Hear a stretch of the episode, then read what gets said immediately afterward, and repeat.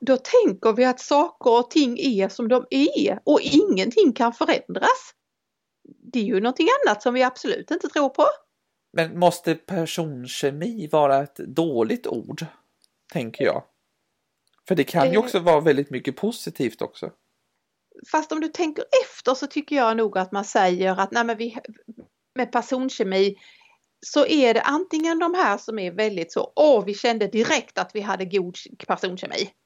Uh, alltså vi dansar så bra ihop eller shit vad vi har jobbat så bra ihop eller så. Mm. Då är det jättemycket åt ena hållet. Mm. Men jag skulle nog vilja säga att det slår över den andra hållet där man säger nej men vi har ingen gemensam personkemi. Vår personkemi fungerar inte så vi har aldrig gemensamma personalmöten eller eh, vi fikar inte ihop och så för vår personkemi fungerar inte.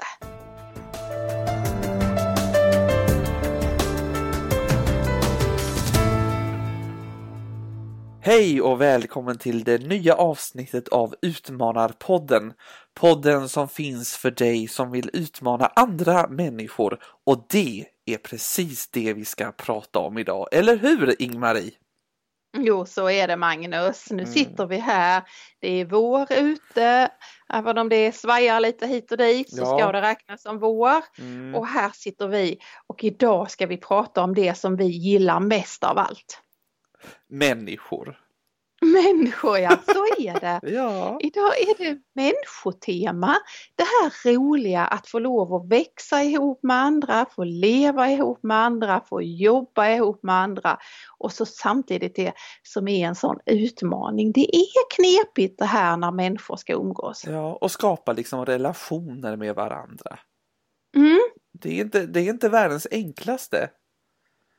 Verkligen inte och det märker man ju både i det lilla sammanhanget och i det stora sammanhanget så är det det här med människorelationer som utmanar. Men eh, hur, hur är liksom din eh, dagsform med, med relationer? Ja, men jag är inne i en sån här reflektionsfas eh, när det handlar om, om människor. Vad är det som gör att vi ibland har liksom färdiga meningar hur det egentligen är innan vi egentligen har vänt på det. Och jag älskar ju att reflektera och göra synvända eller vända på det en gång till. Så idag så tänkte jag vi skulle liksom slå hål på några sådana där äh, begrepp som vi har som är väldigt vanliga när vi pratar om mänskliga kontakter. Jaha, kan du liksom ge något exempel på? Ska vi, ska vi göra så här, vi kastar oss in i det här stora ämnet helt enkelt. Mm, Mm. Nu sa du att vi Eh. skulle titta på ord här. eh, Ja. Och hur vi ska kunna vända Och- det. Ja, och då tror jag att jag skulle vilja börja med det här att vi ofta tittar på det som inte fungerar. Alltså vår relation med andra är ofta att vi går in med något negativt, eller hur menar du? Ja, att vi på något sätt eh, fokuserar på det som inte fungerar och då har vi det med oss som om vi tittar liksom på en relation eller på ett litet barn eller på en tonåring eller på en äldre så ser vi allt den inte kan istället för att se det den kan. Ja. Mm, och allt som inte finns men som skulle, alltså så va. Ja. Ska man sätta ord på det så brukar man säga att man ska istället se det som är friskt det som Mm. fungerar. Det finns en benämning som heter att man tittade på salutogena synsättet. Oj, det var, har jag aldrig hört innan, tror jag. Nej, det ordet. det är att se det friska, att se det hälsosamma i det. Okej. Till skillnad från att se det patogena. Patto har ju att göra med det som är sjukligt. Eh, Så inte ha ett patogent synsätt utan ha ett salutogent synsätt.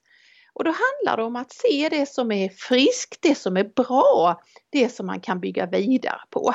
Ehm, jag har ju mött det jättemycket när man jobbar tillsammans med barn och unga. Då blir det lätt sådär att man säger, nej men förstår du, han är inte så bra på bokstäver. Eh, nej, vi får titta på det där för att han är inte bra på bokstäver. Det blir lätt att man liksom pratar om någon annan i, i det man inte kan helt enkelt. Det kan vara så att man när man ska presentera sig själv om man är i en grupp och att man gärna säger att nej men det där är inte jag bra på. Att man gärna talar om det, vilket är helt ointressant för de som inte känner dig. För de vill ju inte veta vad du inte är bra på. Nej, precis.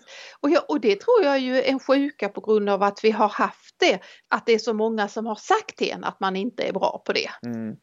Mm. Istället för att säga vad man är bra på. Ja. För det här kommer jag faktiskt ihåg sen när jag gick i mellanstadiet.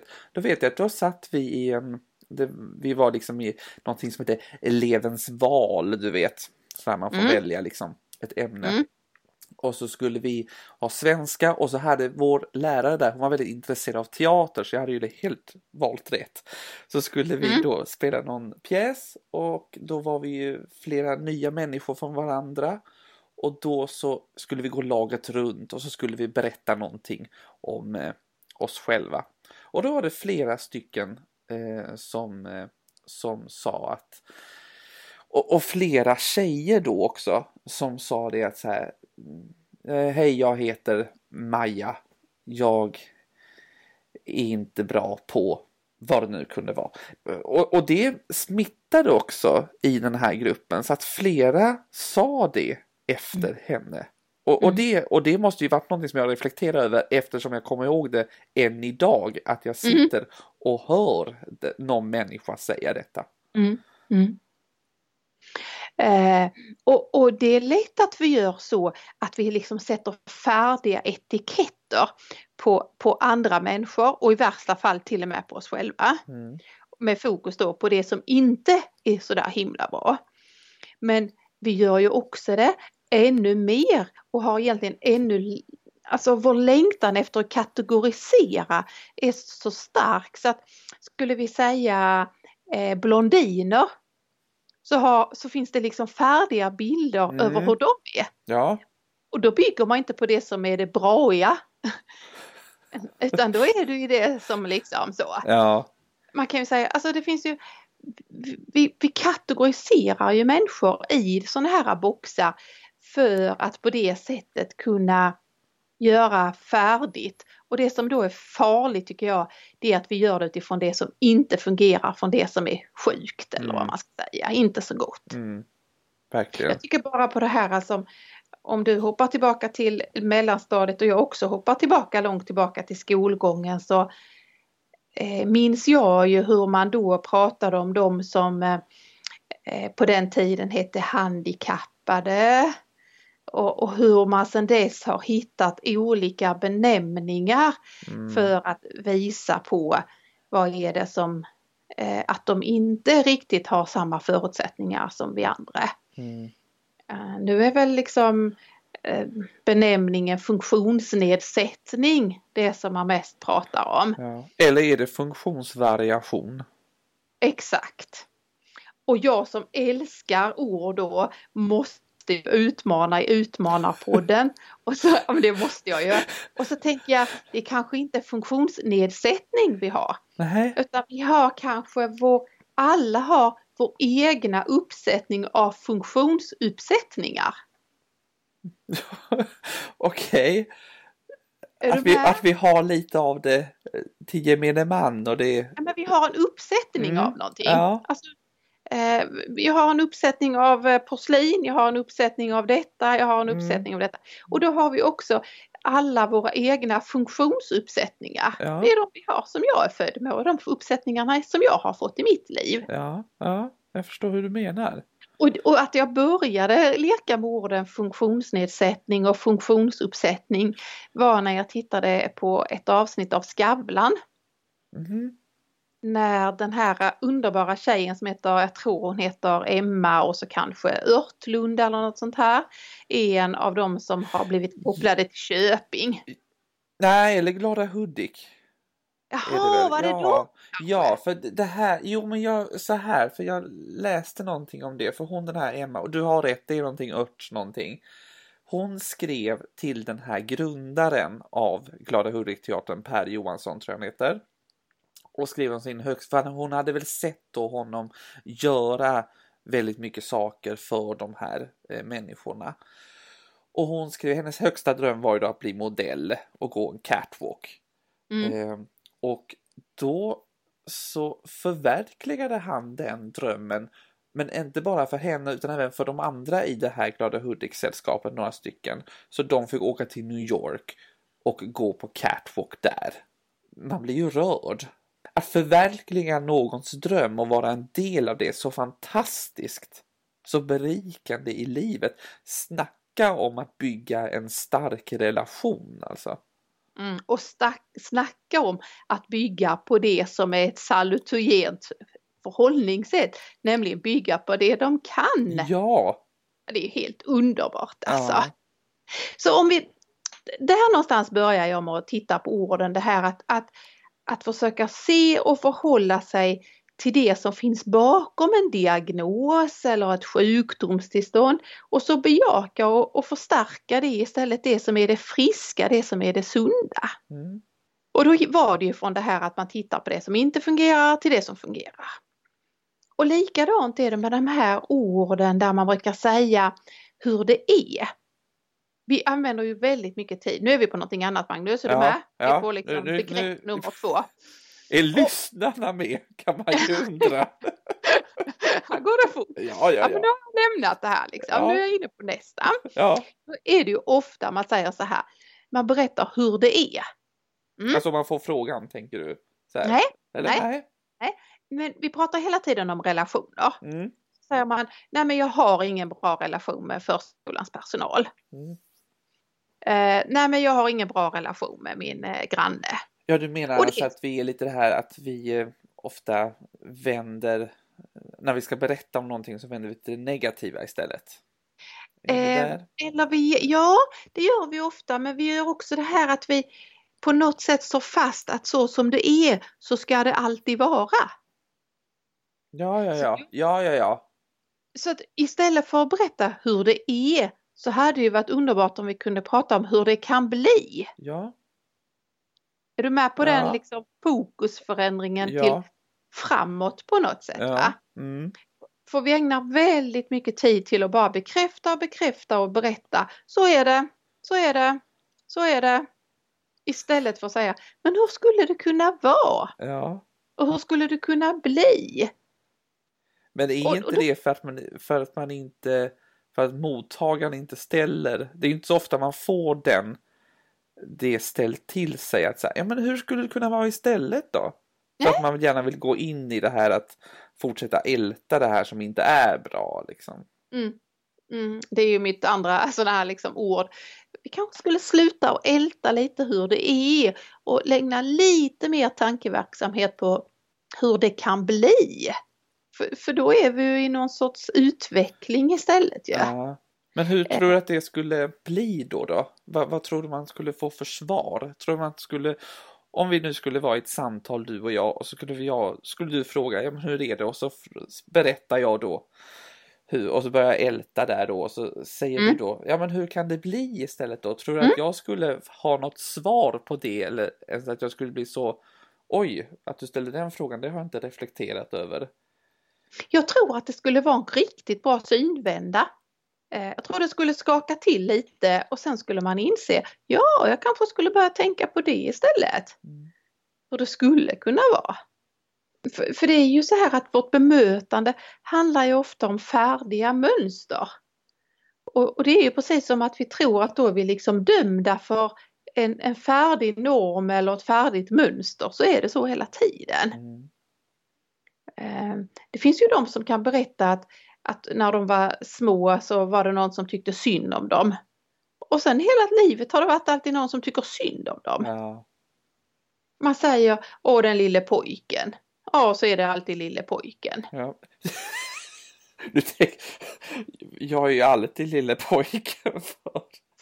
Är du yngst i din familj? Ja, jag är yngst i min familj och jag får ju det epitetet. Alltså mina föräldrar och fram, framför allt min mor, hon har inte lämnat den här eh, lilla pojken.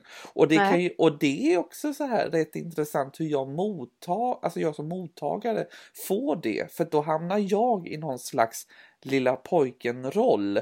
Mm. Eh, Mm. Som jag inte vill hamna i Mm. egentligen. För att jag blir Mm. lite förändrad Mm. i det där när, när det där kommer fram. Och då kan man ju tänka sig om man istället hade fokus på men vad, hur skulle det kunna bli? Mm. Hur kan det bli? Jo men det kan ju bli en hel familj som blir precis lika kreativ som du är där du kan få igång och där dina gåvor kan användas liksom. Eh, men då måste vi våga tänka, dels att se varandra och dels att öppna ögonen och se hur kan det bli istället? Mm. Så det var två sådana här saker som man brukar säga. Man brukar prata om det som inte fungerar och man brukar prata om så här är det. Ja. Och nu ska vi ta någonting, ett ord. Nu är vi på trean. Ja. För nu har jag klurat på någonting som hänger ihop med någonting som du ofta säger, nämligen ordet personkemi. Inte ofta, men ibland hör jag dig eh, relatera det till eh, kollegor på de uppdragen du är och sådär. Ja. Känner du igen det? Ja, absolut. Ibland så känner man ju så här att man, eh, att man finner varandra. Att man känner mm. kanske att man är på samma nivå liksom. Mm. Sen kan man ju, när det inte är så. Ja. Eh, och då kan det ofta bli, då tänker jag, då kan det ofta bli så att man hamnar i det här, det här negativa när man ska berätta om den personen. Och så tänker man inte så mycket mer på, på hur det kan bli liksom. Man fastnar ju väldigt lätt då i ett ältande. Ja. Och, och hur det är. Ja. Och man hittar hela liksom tiden kanske lite skäl eller exempel på att det här beteendet upprepas. Så det är minsann så här. Och man fokuserar på, på den där personen och den där människan eller den där kemin som inte fungerar. Ja. Jag måste berätta ett exempel här då. Förra arbetet då hade vi en person där som jag och en annan inte heller riktigt kom överens med. Och, och det, det, funkade liksom inte så att vi hade inte så mycket gemensamt och kände att, att vi kunde liksom riktigt jobba med varandra. Vi hittade aldrig en bra balans. Men då pratade jag ju med min andra kollega om den här personen och han kände ju likadant liksom sådär. Och då var det genast man, man pratar ju väldigt mycket i då det här ältandet så här om att ja men åh, nu är det så här och det här kommer ju aldrig bli bra och man kan lätt fastna i bara det här ältandet och inte se ja men okej okay, vad kan bli bättre och vad kan jag ändra i mitt synsätt till den personen som inte vi har hittat balans med. Eh, vad kan jag ändra i mitt synsätt till honom för att jag ska kanske förstå hur han eh, fungerar? För hade vi båda kanske då öppnat våra sinnen så hade vi kunnat hitta en balans i vår mm. arbetsrelation. Liksom. Mm. Det är precis där någonstans jag är som, som har gjort att ditt ord, dina tankar, dina berättelser som du har gett till mig så har jag funderat på. Det är någonting här som vänder sig hos mig som gör att jag inte tycker om begreppet personkemi. Mm. För då blir det lite som att det är så, så är det så. Vi har ingen bra personkemi om vi uttrycker det så. Så blir det lite som att då kan vi ju inte utvecklas heller ju. Nej, såklart. Nej men det är ju det hela Utmanarpodden går ut på, att vi tror att människor kan utvecklas. Ja. Då tänker vi att saker och ting är som de är och ingenting kan förändras. Det är ju någonting annat som vi absolut inte tror på. Men måste personkemi vara ett dåligt ord? Tänker jag. För det kan ju eh. också vara väldigt mycket positivt också. Fast om du tänker efter så tycker jag nog att man säger att nej men vi, med personkemi så är det antingen de här som är väldigt så, åh vi kände direkt att vi hade god personkemi. Uh, alltså vi dansar så bra ihop eller oh, shit vad vi har jobbat så bra ihop eller så. Mm. Då är det jättemycket åt ena hållet. Mm. Men jag skulle nog vilja säga att det slår över den andra hållet där man säger nej men vi har ingen gemensam personkemi. Vår personkemi fungerar inte så vi har aldrig gemensamma personalmöten eller eh, vi fikar inte ihop och så för vår personkemi fungerar inte. Nej. Och det är det där jag vill vända mig åt för att vi måste ju på, tro på personutveckling. Mm. Inte att det är någon kemi som är fast och sen är det så här för evigt för då är det ju precis som att det liksom finns etiketter och beskrivningar som vi har gett en annan människa och det är precis som det är den enda rätta. Ja, jag förstår. Hur är det då när du ska hitta ord på det här? Är det just personutveckling som eh, som du vill använda eller finns det något? Vad, vad, brukar du använda istället för när du beskriver då personkemi? Eh, då brukar jag nog säga att vi har en utveckling och att gå tillsammans. Mm. Oj! Mm. Mm.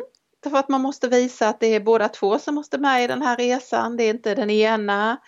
Eh, därför att när man säger personkemi så är det precis som att det är inte människorna som måste göra någonting varken gott eller ont utan då är det någonting som är utanför. Mm. Men det är mm. det ju såklart inte. Det finns ju ingen kemilåda mellan dig och mig.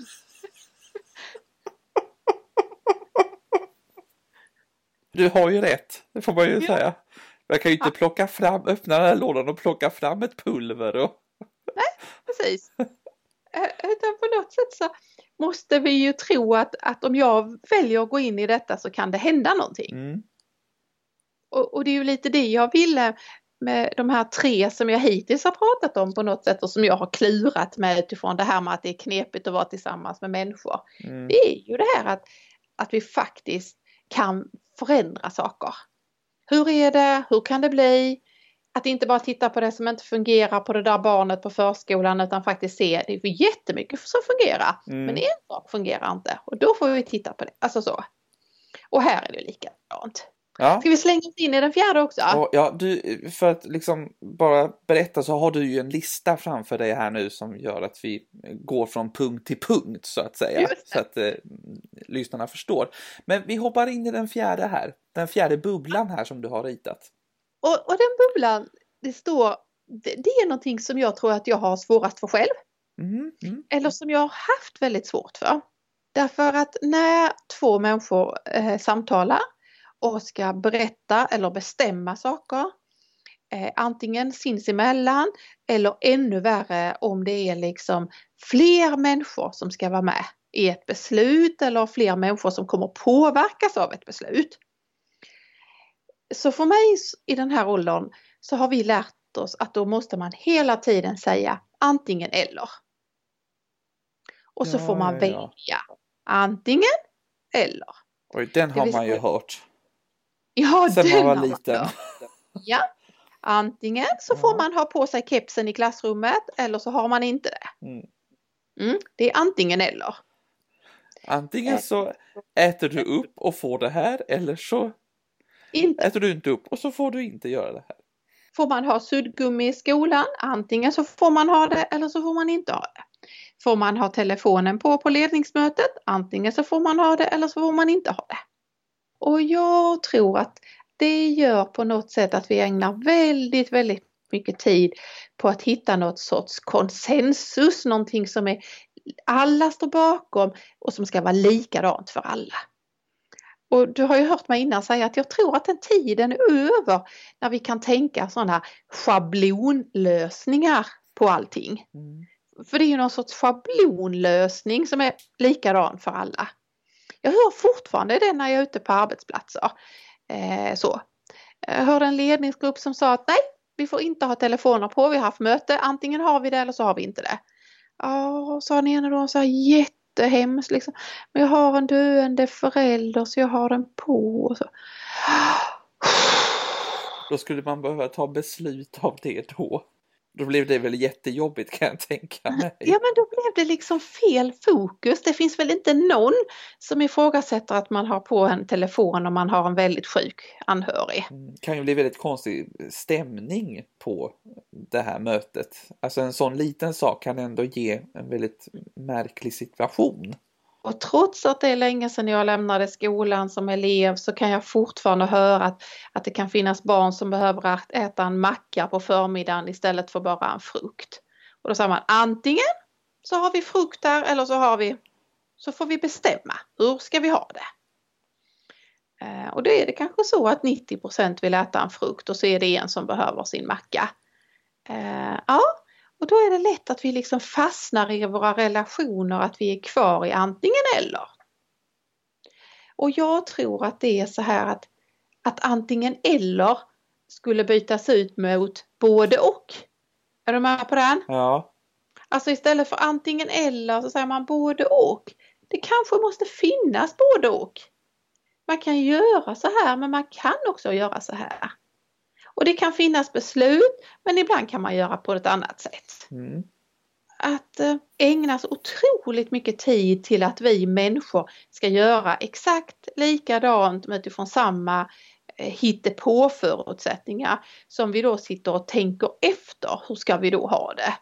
Och så ägnar vi jättemycket tid att fundera över sånt skitsak då som att om ett barn då vill ha med sig en riskaka räknas det då som frukt eller räknas det då som en macka som man då sa att man fick ha men inte riskaka för då blir det fel liksom.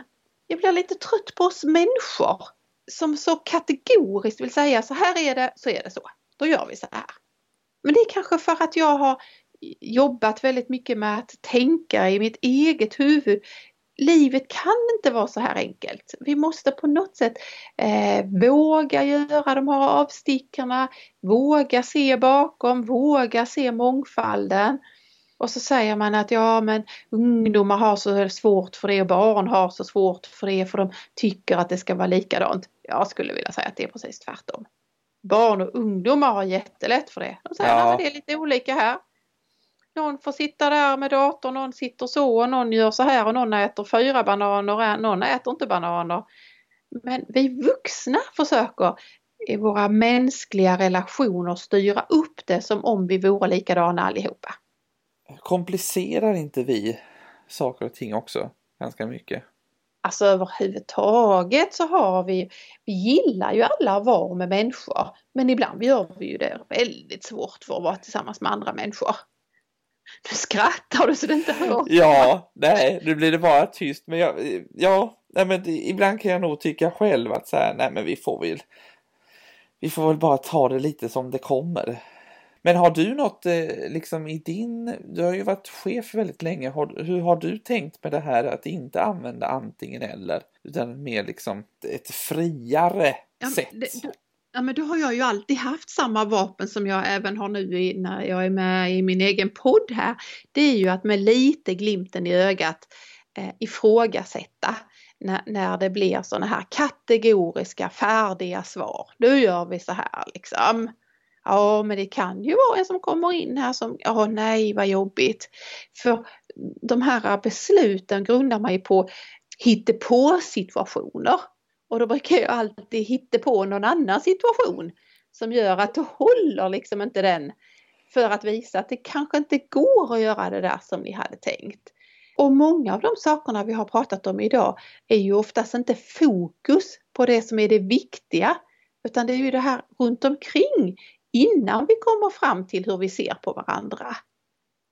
Eh, för även om man inte har en, min lilla punktlista som jag har förberett till idag så tror jag man kan liksom förstå att mycket av det vi pratar om handlar ju om hur får vi det till att funka och varför komplicerar vi det och varför väljer vi att stanna kvar i gamla bilder istället för att faktiskt bara säga ah, vad roligt att du kan detta, det visste inte jag.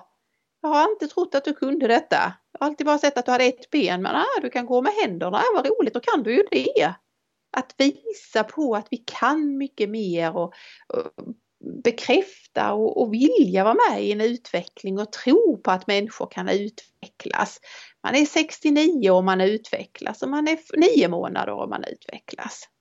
Det är väl därför som man får lite tankeställare ibland när man ser en människa som man tänker att man har redan en färdig mall över den människan och så kan det någonting som man absolut inte trodde att det, mm.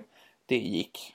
Ja men till exempel om vi skulle ta hon vad heter hon, bloggerskan, hon som är väl nu 149 år, det är hon inte, men Nej, hon är Dagny, hon är Dagny, 107. Ja.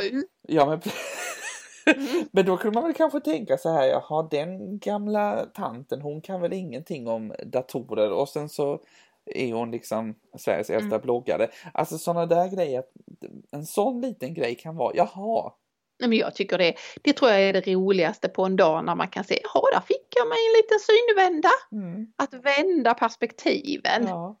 Och jag önskar att, att fler både vågar se det men också sätta ord på det och få, få andra till att göra sådana här synvändor. Mm. Har du varit med om någon sån där synvända på sistone? Ja men jag är hela tiden med om att jag liksom eh, tror mig se någonting eller tror mig veta någonting och så är det så var det inte, nej. Jag tycker det är jättespännande. Jag tycker att jag är bra på mänskliga relationer.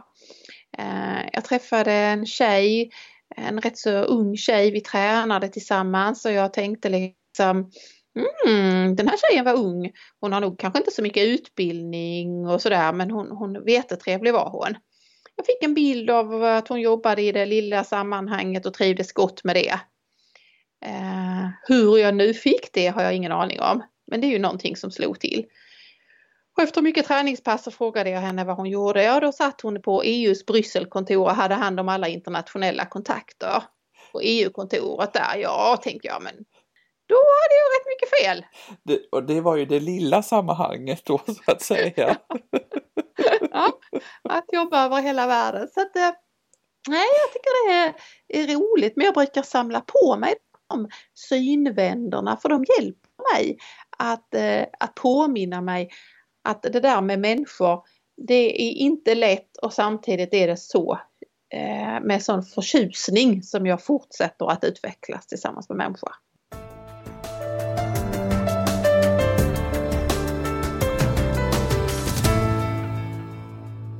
Ska vi börja avrunda? Det kan vi absolut göra. Nu har vi de här bubblorna då, de här fyra sakerna som du hade ritat upp på den här listan och det vore väldigt trevligt om du kunde ge om du kunde lägga ut den här bilden då på dina sociala medier så att man kan kanske få sig en tankeställare på det när man tittar på den här bilden då. Men vi kan mm. gå igenom dem lite sakta men säkert här från början mm. till slut. Du, du menar repetition menar en du? Repetition, tack. Ja. Då börjar vi med det här ju som har blivit lite inne. Att vi har diagnoser, att vi tittar på det som inte fungerar. Skriver handlingsplaner om det är en medarbetarenkät så tittar vi på det som inte var bra. Och det var det som är med Eh, Eh, man istället ska titta på det som fungerar. Vad är det som är friskt och sunt på det här stället eller med den här relationen? Det salutogena förhållningssättet. Eh, och där jag tror att jag sa så här att vi måste hjälpa vår hjärna för att fokusera på det som är bra, för då blir det ännu bättre.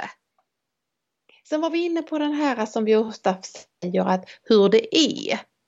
Och så skulle vi utmana oss och tänka, hur kan det bli? Ja. Där, där, där, tyckte du att det var en liten utmaning Magnus för att det innebär, tänk om vi skulle börja säga så, hur är det? Nej, men hur kan det bli idag för dig? Ja, precis. Det skulle vara spännande. Ja, det skulle ju öppna upp ganska mycket eh, liksom, tankar hos den som får frågan. Mm. Eh, tror jag. Alltså man kanske inte hade, man hade ju inte fått det här slentriana svaret heller. Nej. Eh, så väldigt intressant att använda just de, hur kan det bli för dig då? Mm. Och sen var vi ju inne på att när man pratar om mänskliga relationer så fastnar man lätt i det här med att man säger så är personkemin mellan oss. Och, och, det var där jag hade haft en sån här filosofisk skogspromenad när jag hade funderat på, är det inte någonting som är lite fel i hela den tanken eftersom den bekräftar ännu mer hur saker är liksom permanenta istället för att tänka att det går att förändra saker. Att vi kan vara i en utveckling. Just nu är det så här mellan oss men om vi jobbar, vi fikar, vi får ett projekt tillsammans, vi månar båda två om att försöka bidra, då händer det någonting annat mellan oss. Och sen det sista var ju den här att istället för att säga antingen eller, liksom någon sorts att nu måste besluten vara likadana för alla.